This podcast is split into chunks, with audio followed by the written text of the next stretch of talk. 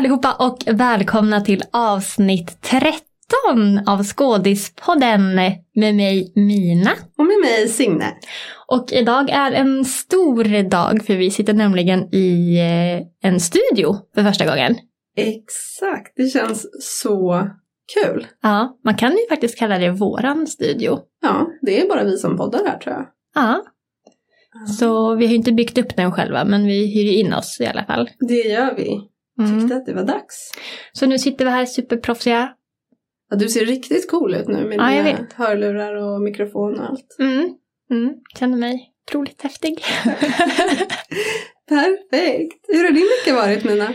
Ehm, den var jättebra. Den har gått väldigt fort. Jag vet knappt vad jag har gjort faktiskt. Men eh, jag jobbar på och eh, ja, det är väl det.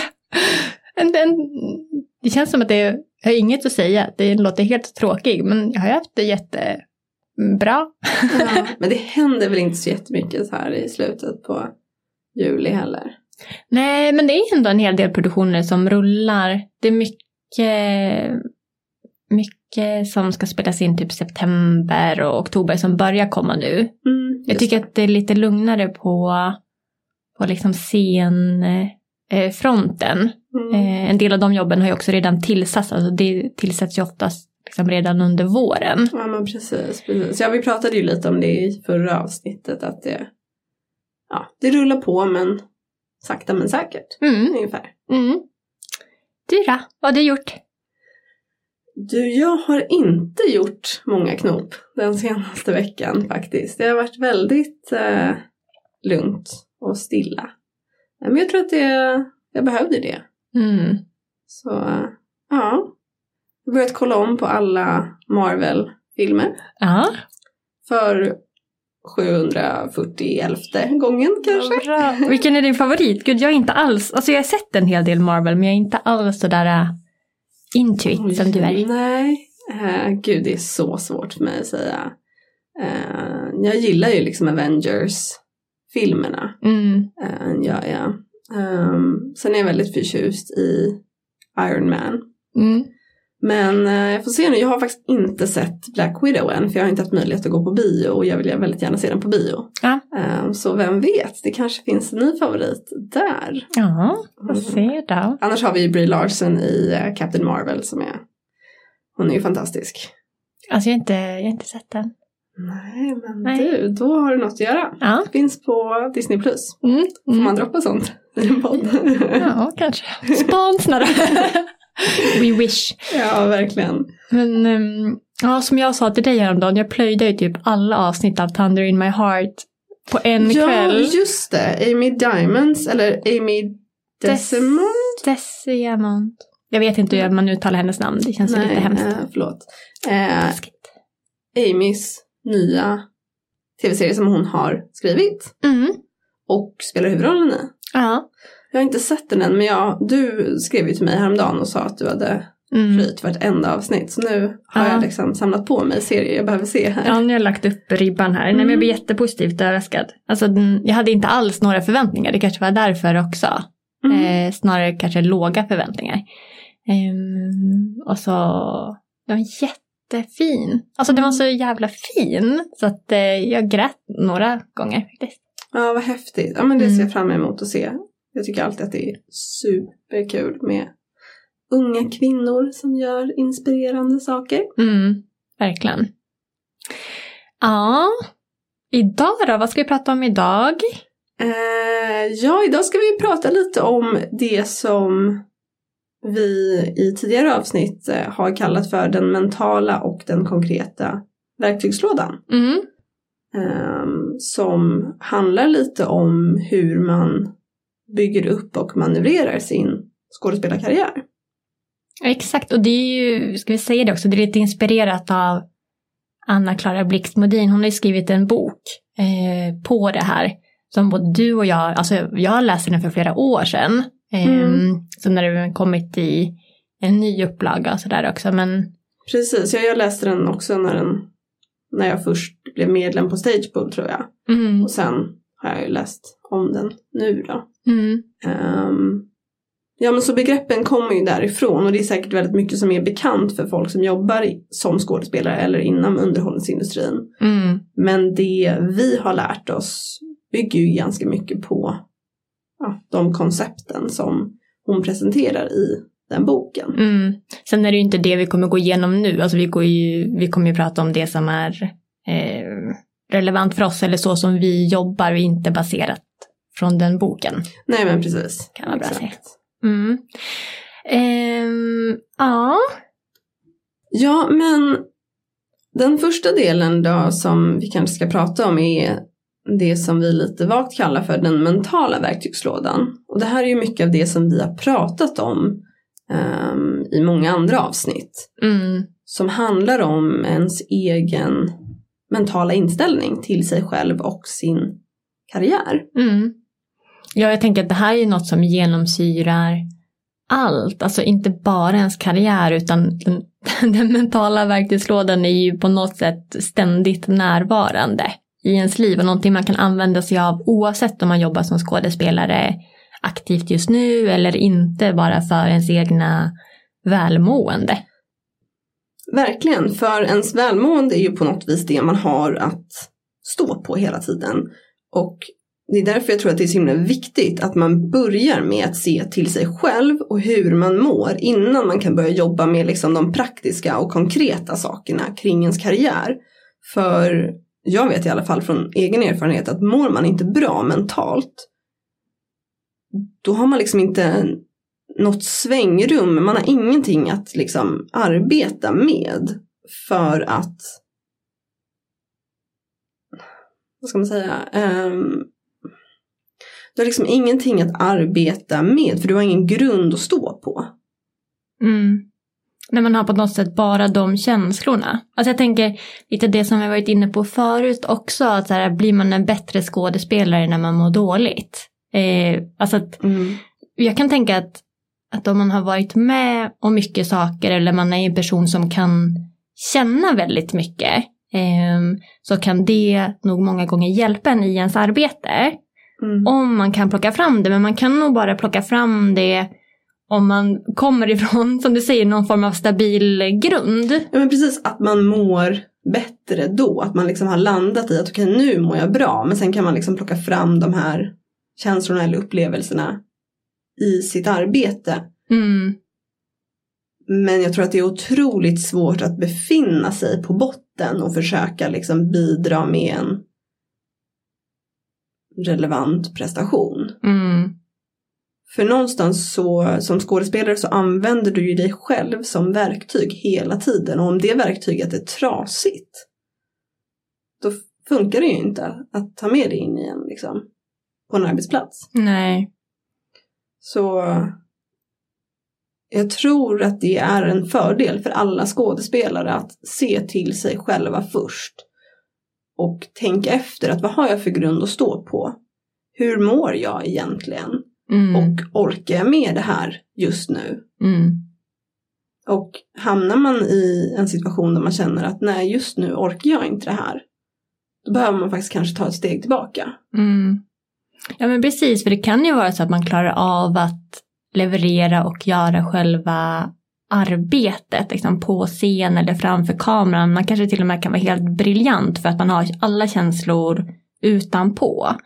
Men sen när man kliver av Mm. så, så påverkar den så pass mycket att man inte klarar av det. Ja men precis och det är lite knepigt för den andra sidan av det är ju att konsten kan ju också hjälpa dig att bearbeta mycket av det du kanske går igenom. Ja. Så går du igenom någonting väldigt svårt emotionellt så kan ju ditt arbete vara liksom ett sätt att arbeta igenom det. Mm. Ja, vilket vi också varit inne på att vi båda har använt oss av skådespeleri eller av konst för att kunna liksom uttrycka och bearbeta allt det som finns inombords. Så det är också samtidigt så himla dubbelt. Så sitter vi och säger att så här, nej men var välmående och fundera på om du ska göra det här just nu, om du inte är i balans. Samtidigt så har vi båda använt skådespeleri för att kunna komma i balans också. Mm. Jag tror att där behöver man verkligen se till sig själv och se till vad man är för person. Mm. och hur man bearbetar liksom sin mentala hälsa. Mm. Eh, och sitt, eh, ja, men sitt emotionella inre. Ehm, och det kanske kan variera också, för det kan ju vara så att går man igenom till exempel ett trauma eller en sorg av något slag, då kanske skådespeleriet kan hjälpa en att bearbeta det beroende på vad man är i för läge och vad man arbetar med naturligtvis. Men är man utbränd till exempel eller lider av en utmattningsdepression då är det fortfarande så att så skådespeleriet är ju fortfarande ett arbete. Mm. Och då kanske du inte har det i dig att kunna arbeta just då. Nej. Nej, det där är ju... Där har vi, där har vi en skillnad. Ja men precis.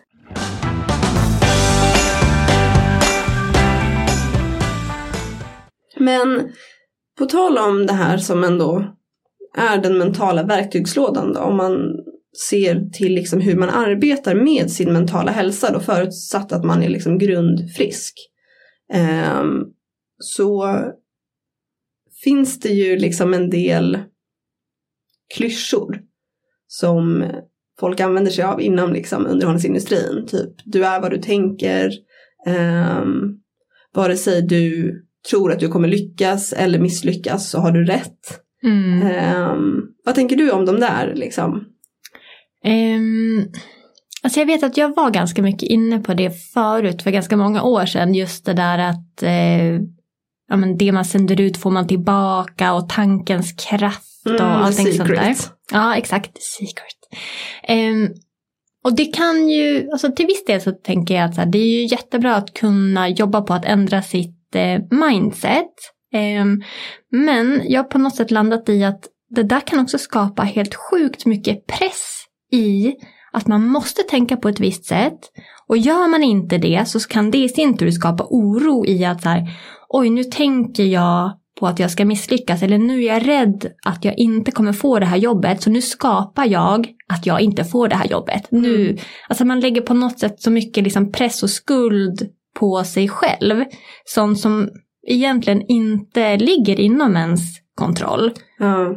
Ehm, så att jag, jag har liksom klivit ur det. Alltså jag tror att det är, det är jätte, jättebra att kunna hitta sätt om man um, mår dåligt. Så här, hur ska jag kunna stärka mig själv och vad behöver jag? Men just det tankesättet är att man skapar allting med sina tankar. Eh, det lägger bara press på mig. Så det är ingenting som jag eh, använder mig av faktiskt. Nej, jag tycker att det är jätteskönt att höra att du säger det. För det här har inte du och jag pratat om tidigare eh, med varandra. Och jag har också tänkt så. Jag blir nästan frustrerad när folk säger till mig att du vet, tänk positivt, tänk att du är framgångsrik så blir du det. Eller tänk att du är rik så kommer du bli det. Mm. Och jag kan tycka att jag, jag förstår var den tanken kommer ifrån och varför liksom folk gärna vill mata en med den idén. Men jag tycker också att det är ganska ignorant att säga så för att det är fortfarande så att människor har olika förutsättningar att lyckas. Ja. Och människor har olika grund att stå på, man har olika familjeförhållanden som påverkar, man har olika ekonomisk status som påverkar. Och jag kan tycka att det är liksom, ja men som du säger, det är så onödigt att man ska lägga den skulden hos en människa och säga att men du har inte liksom tänkt tillräckligt positivt och därför är du där du är. Mm. Jag är inte helt säker på att skådespelare behöver liksom mer skuld, mer press, liksom fler slag mot sin egen självkänsla på något vis. Nej, men verkligen. Så, ja, så den mentala verktygslådan då, vad kan man göra istället? Vad kan man göra istället för att faktiskt eh, ha det positivt? Ehm, nej men en grej som du och jag har pratat en hel del om är ju det här med mindfulness och meditation. Mm. Nu kommer säkert jättemånga stänga av det här och tänka vad är det här för människor? Men ehm, det kan ju faktiskt verkligen hjälpa en med ens liksom, inställning generellt till, inte nödvändigtvis till sitt skådespeleri, men till sig själv som person och ge en lite perspektiv på vad man faktiskt håller på med. För som vi alltid pratar om så är ju ett av problemen kanske som skådespelare är att man identifierar sig som skådespelare. Det vill säga att det liksom ens självkänsla och ens självförtroende blir ett och samma. Mm. Och det kan ju vara lite farligt liksom när man, när man blandar ihop vem jag är som människa och mitt värde som människa, det vill säga självkänslan, och vad jag gör, det vill säga liksom värdet av mina prestationer, självförtroendet. Mm. Om man blandar ihop dem, eller att det blir samma sak, då har du liksom inget andrum där du kan misslyckas eller utvecklas för att liksom det blir på något vis en, ett slag mot din egen person. Mm.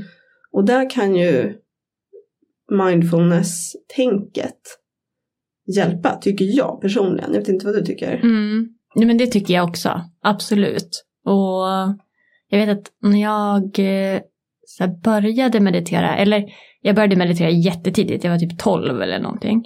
Men, ehm, men sen när jag blev lite äldre och i och med skådespeleriet, då kom det också in lite det där prestationen i meditation. Alltså det ska vara på ett visst sätt och nu ska man sitta här och inte tänka på någonting. Ehm, så jag tror att det som har hjälpt mig väldigt mycket det är att återigen liksom släppa på hur man tror att det ska vara och hitta det som funkar för en själv. För att jag, jag behöver fokusera min tanke på någonting. Jag kan inte tänka på, på ingenting.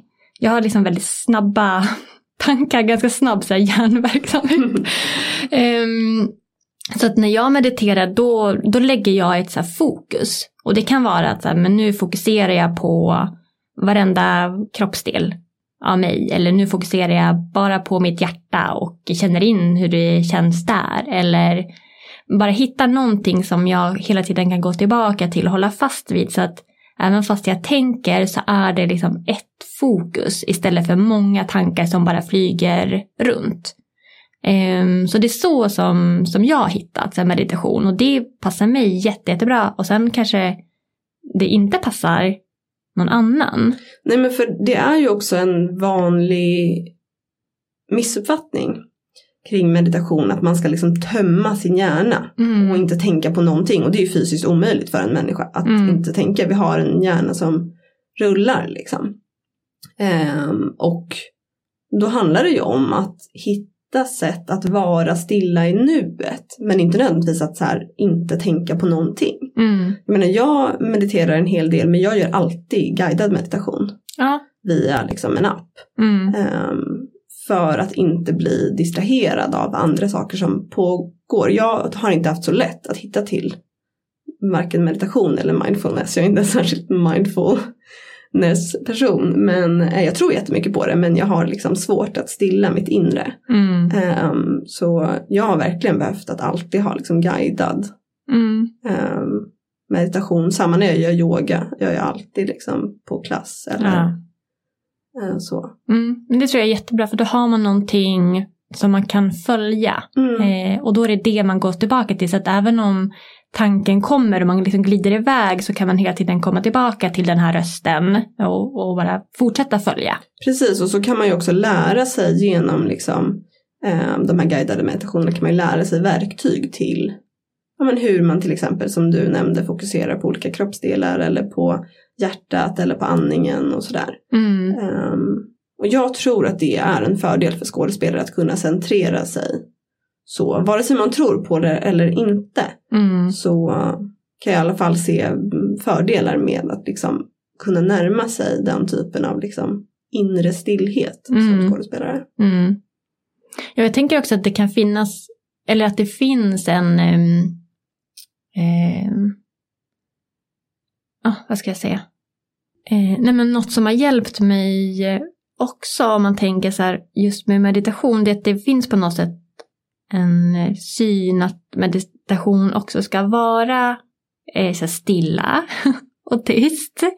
Eh, och man ska vara i sitt inre, eh, vilket liksom meditation är ju också det givetvis. Men ibland för att så här, komma dit så kan man ju behöva släppa på väldigt mycket saker.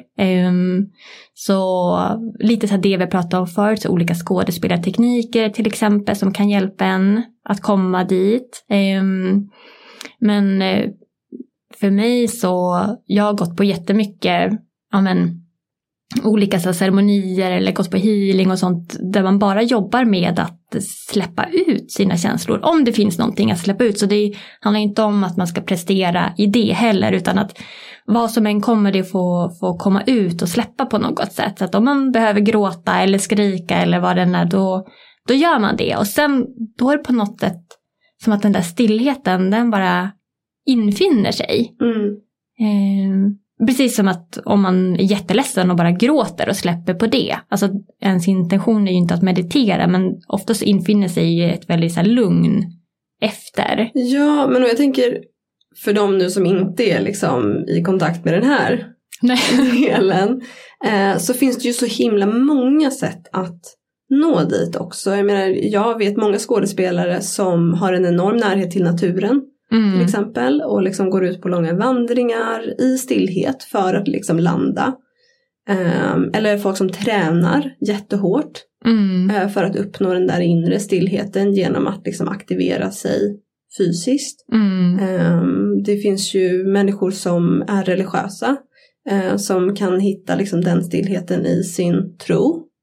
Eh, så jag menar det finns ju liksom många olika nycklar som man liksom behöver hitta lite i hur man själv når till den där liksom Mm. centreringen. Ja, Skulle jag säga så. precis. Så man får prova sig fram och också vara öppen för att det kan ändras. Alltså det som passade för mig för ett halvår sedan kanske inte passar mig idag. Nej. Mm. Utan att vara öppen för att saker kan ändra sig också utifrån vilka behov man har. Mm. Ja men verkligen.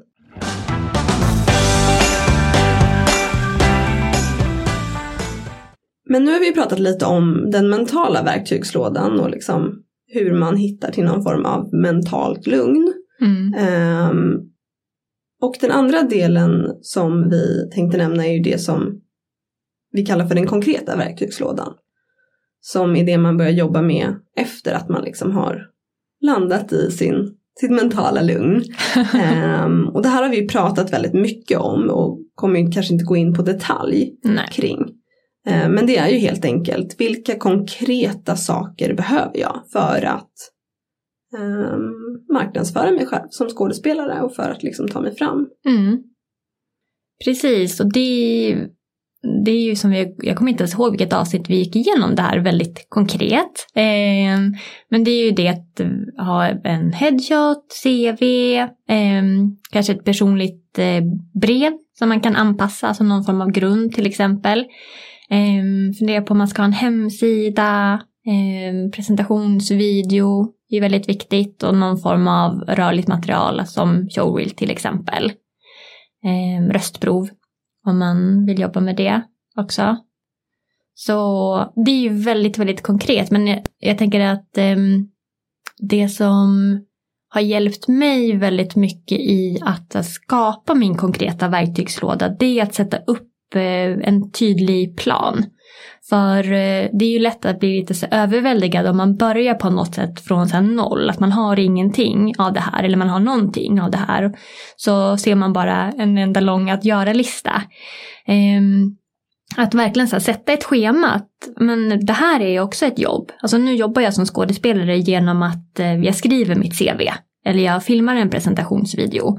Att eh, avsätta den tiden. Eh, och jag brukar alltid så här, till och med skriva in eller sätta en tydlig plan. Att okej, okay, men det här ska vara klart om en månad. Till exempel. men exakt, alltså, så har jag också arbetat jättemycket. Jag och ehm, Amanda som vi har haft med tidigare, eh, Mm. som jag nämner hela tiden. Vi har liksom haft ett eh, Excel-sheet Mm. eh, med varsitt blad i som vi delar och sen så har jag i mitt blad då skrivit liksom i listformat vad det är jag behöver göra om det är att ta nya headshots eller filma en ny scen till en showreel eller kontakta en specifik rollsättare inför ett jobb som jag vet är på gång. Eh, och så skriver jag liksom vad jag ska göra i ena kolumnen och sen skriver jag vilket datum det ska vara gjort i andra kolumnen och sen skriver jag status i den tredje kolumnen. Mm. Så bockar jag av det liksom. Någonting som är väldigt fördelaktigt med att ha det så är också att du kan se tillbaka och se vad har du gjort? För ganska ofta som skådespelare så hamnar man ju i att ehm, det känns som att man inte gjort någonting. Ja. framförallt om man inte har jobbat liksom, på ett tag, men man kanske faktiskt har gjort jättemycket um, i sitt arbete som man kanske inte har fått utdelning för än, men det har ändå skett. Mm.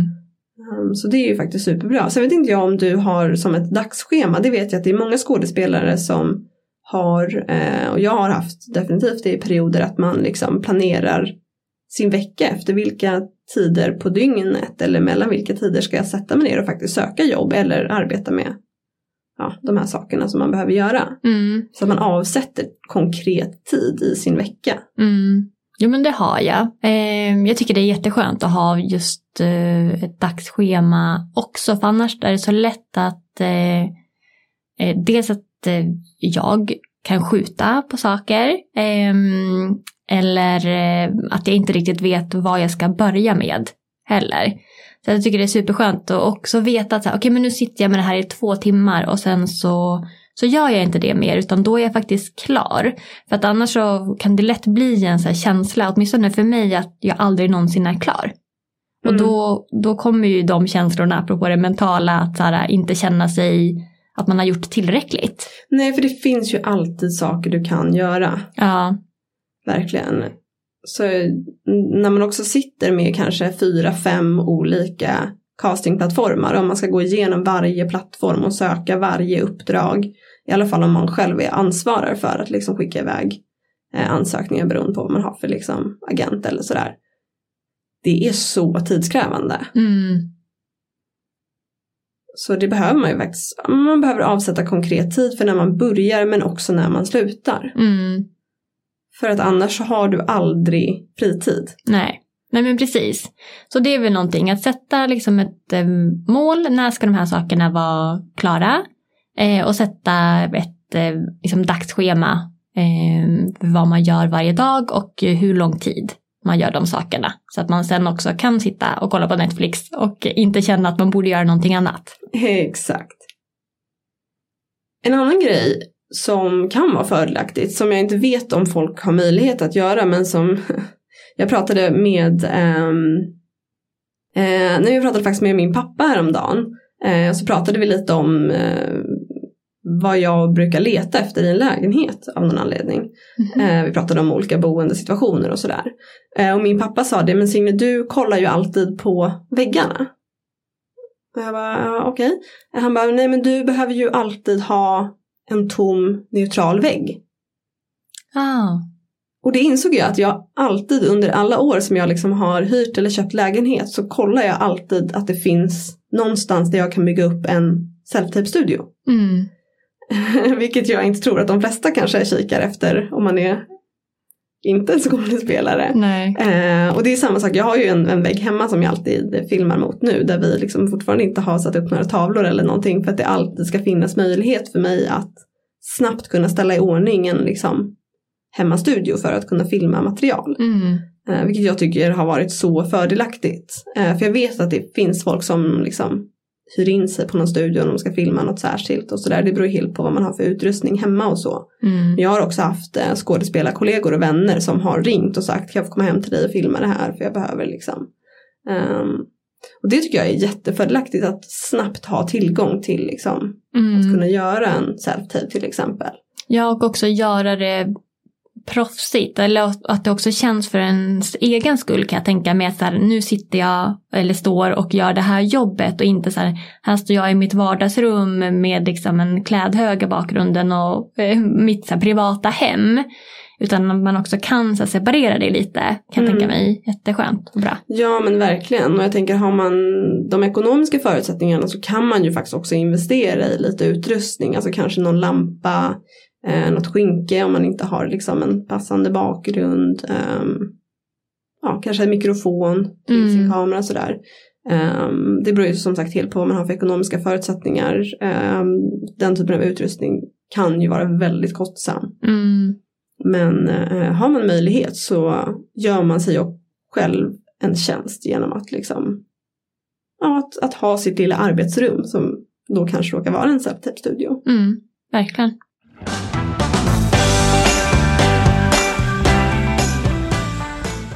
En annan grej jag bara ville ta upp lite på tal om både det här med liksom det konkreta och den mentala verktygslådan och hur man jobbar med sig själv. Eh, för jag lyssnade på ett, en, jag lyssnade på en annan podd på vägen hit till studion eh, där det var två skådespelare som pratade om utseendehetsen, framförallt i Hollywood. Mm. Eh, och jag tror liksom att avsnittet hette någonting i stil med Är jag för ful för att arbeta som skådespelare? Mm. Eh, vilket är fantastiskt att jag klickade på just det avsnittet såklart. eh, nej men för det finns ju en föreställning om att det bara är unga och väldigt attraktiva personer som kan slå igenom, om vi använder det uttrycket, som Mm. skådespelare. Att man behöver liksom vara ung och man behöver vara liksom väldigt i särklass attraktiv. Jag skulle säga särskilt när det kommer till kvinnor. Särskilt när det kommer till kvinnor, verkligen. Och då pratar vi också om, eh, ja, men, när jag säger attraktiv så menar jag ju då enligt liksom någon sorts samhällsstandard. Mm. Ehm, och de tog upp i, i det här avsnittet lite eh, om att det finns två sidor. Mm. Av att de som castas då, om vi utgår från till exempel Hollywood. Att de som castas antingen är just unga och väldigt, väldigt vackra. Eller så är man det som de kallade för the oddball. Alltså att man ser väldigt speciell ut. Mm. Ehm, att man liksom, man har väldigt liksom unika drag på något sätt eller liksom sådär. Och att båda de typerna är väldigt efterfrågade inom Mm. underhållningsindustrin. Men att majoriteten av skådespelare faktiskt ligger däremellan. Där man liksom bara är en helt vanlig människa. Eller Eh, Och det är det som är lite ironiskt liksom att eh, man på något vis ska vara väldigt, väldigt, väldigt unik och speciell. Ja. Men en annan sak som de nämnde var också det här att rollsättare alltid letar efter the next big thing. Mm. Och då spelar det faktiskt egentligen ingen roll hur man ser ut eller vem man är utan att man bara behöver hitta sin egen grej liksom. Mm. Och hur hittar man det då? Så känn pressen på Exakt, den. nu kom pressen tillbaka. Jag ska bara hitta min alldeles egna grej här bland några miljoner andra skådespelare. Det är ju igen det här som alla säger, var bara dig själv. Ja. Du kan inte vara någon annan. Och det stämmer ju, man ska ju verkligen bara vara sig själv. ja, men det är just Vem det, det? här, men det är just det, men om jag själv inte är unik då? så förstår du? Exakt, och hur vet man att man är det? Hur vet man att man är unik? Ja. Alltså gud, apropå det där med eh, är jag för ful? Jag var ju på en, en eh, casting, eh, det här var något år sedan, för en så här, huvudroll i en tv-serie. Eh, var på den castaren, alltså det är så sjukt, hon, eh, Jag är beredd på en skräckhistoria här nu. Ja, nu bygger jag upp förväntningarna här. Nej, men, eh, hon säger till mig då under liksom, den provfilmningen, eller ganska typ efter jag gjort provfilmningen och vi pratar lite mer liksom, om rollen och allting sånt där. Så säger hon att, ja Mina, eh, det är ju viktigt att du vet att för den här rollen så måste man ju vara väldigt, väldigt snygg. Eh, Och jag ser ju att så här, du skulle ju behöva fixa lite Nu sitter jag och gapar här. Ja, du skulle ju behöva fixa lite saker i ditt liksom, ansikte. Eh, Förlåt, Det är det absolut sjukaste jag har hört. Alltså jag vet ju att sånt här förekommer. Framförallt liksom i Hollywoodindustrin. Men jag har aldrig hört talas om någon som har varit med om det i Sverige. nej, det här, det här är i Sverige. Och liksom en... Eh, Jag, jag, jag vet inte ens vad hon tänkte att du skulle fixa. nej, och jag blir helt så chockad och bara... ehm, då, alltså då tror jag att jag inte ens sa någonting. För jag hade liksom inget... Jag tror att det tog jävligt hårt på mig på något sätt. Att jag, bara... förstår det. okej, men jag sökte det här jobbet, eller ni kontaktade mig, jag kommer inte ens ihåg om jag sökte själv eller de hörde av sig till mig. Och jag har mina bilder och jag har en showreel, alltså ni vet ju hur jag ser ut. Om ni inte tycker att jag är tillräckligt snygg för den här rollen, för man skulle vara någon jättesnygg tjej, Så varför kallar ni ens mig till provfilmning? Alltså det hade jag ju velat fråga, så här, det är ju sådana tankar som kommer i efterhand. Mm. Men just då när man sitter där, då känner jag bara så här, ja, nej jag är ju ganska ful. Så att Men jag, gud, Det här är det sjukaste jag har hört. ja, så jag passar ju inte in. Och sen blir det på något sätt bara, tack och hej. Och, och sen fick du inte den rollen då? Nej. Nej men gud, det här är så sjukt. Vad skönt att du inte fick den, då slapp du, slapp du det där. Ja, nej men så himla Det här hade man ju nästan velat typ gå till press. Nej, får, får man inte säga.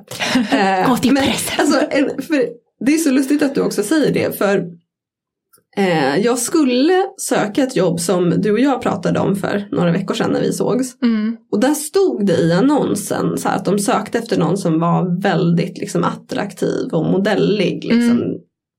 Och jag sökte inte det jobbet. Nej, och jag tänkte så här, Signe du måste söka det, du passar jättebra. Ja, och jag tänkte tvärtom, jag bara, nej, det här, det här passar inte mig. Nej. Apropå Eh. ens så här, egna självbild, självkänsla. Ja men verkligen, verkligen. Och jag skulle ändå säga att så här, jo men ofta så söker jag sådana jobb ändå och tänker att de får väl bedöma om de tycker att jag är tillräckligt snygg eller inte liksom. Mm. Eh, Men ja, jag var väl inte i ett så bra headspace just då och tänkte att nej men det här, det här kan inte jag göra. Nej. Eh, Och det där, ja, nu hamnar vi återigen lite i det här som vi har pratat om i tidigare avsnitt, att jag undrar om män upplever samma Ja. sak som, som vi kvinnor gör. Mm. Ja. Ja, jag vet inte, jag har ju dejtat några manliga skådespelare. Jag är ingen som har sagt det. Ingen har sagt att de upplever det. Gud, du har ändå gett ut på att dejta manliga skådespelare. Hjälp! Eh, nej, ni är säkert fantastiska alla manliga skådespelare där ute.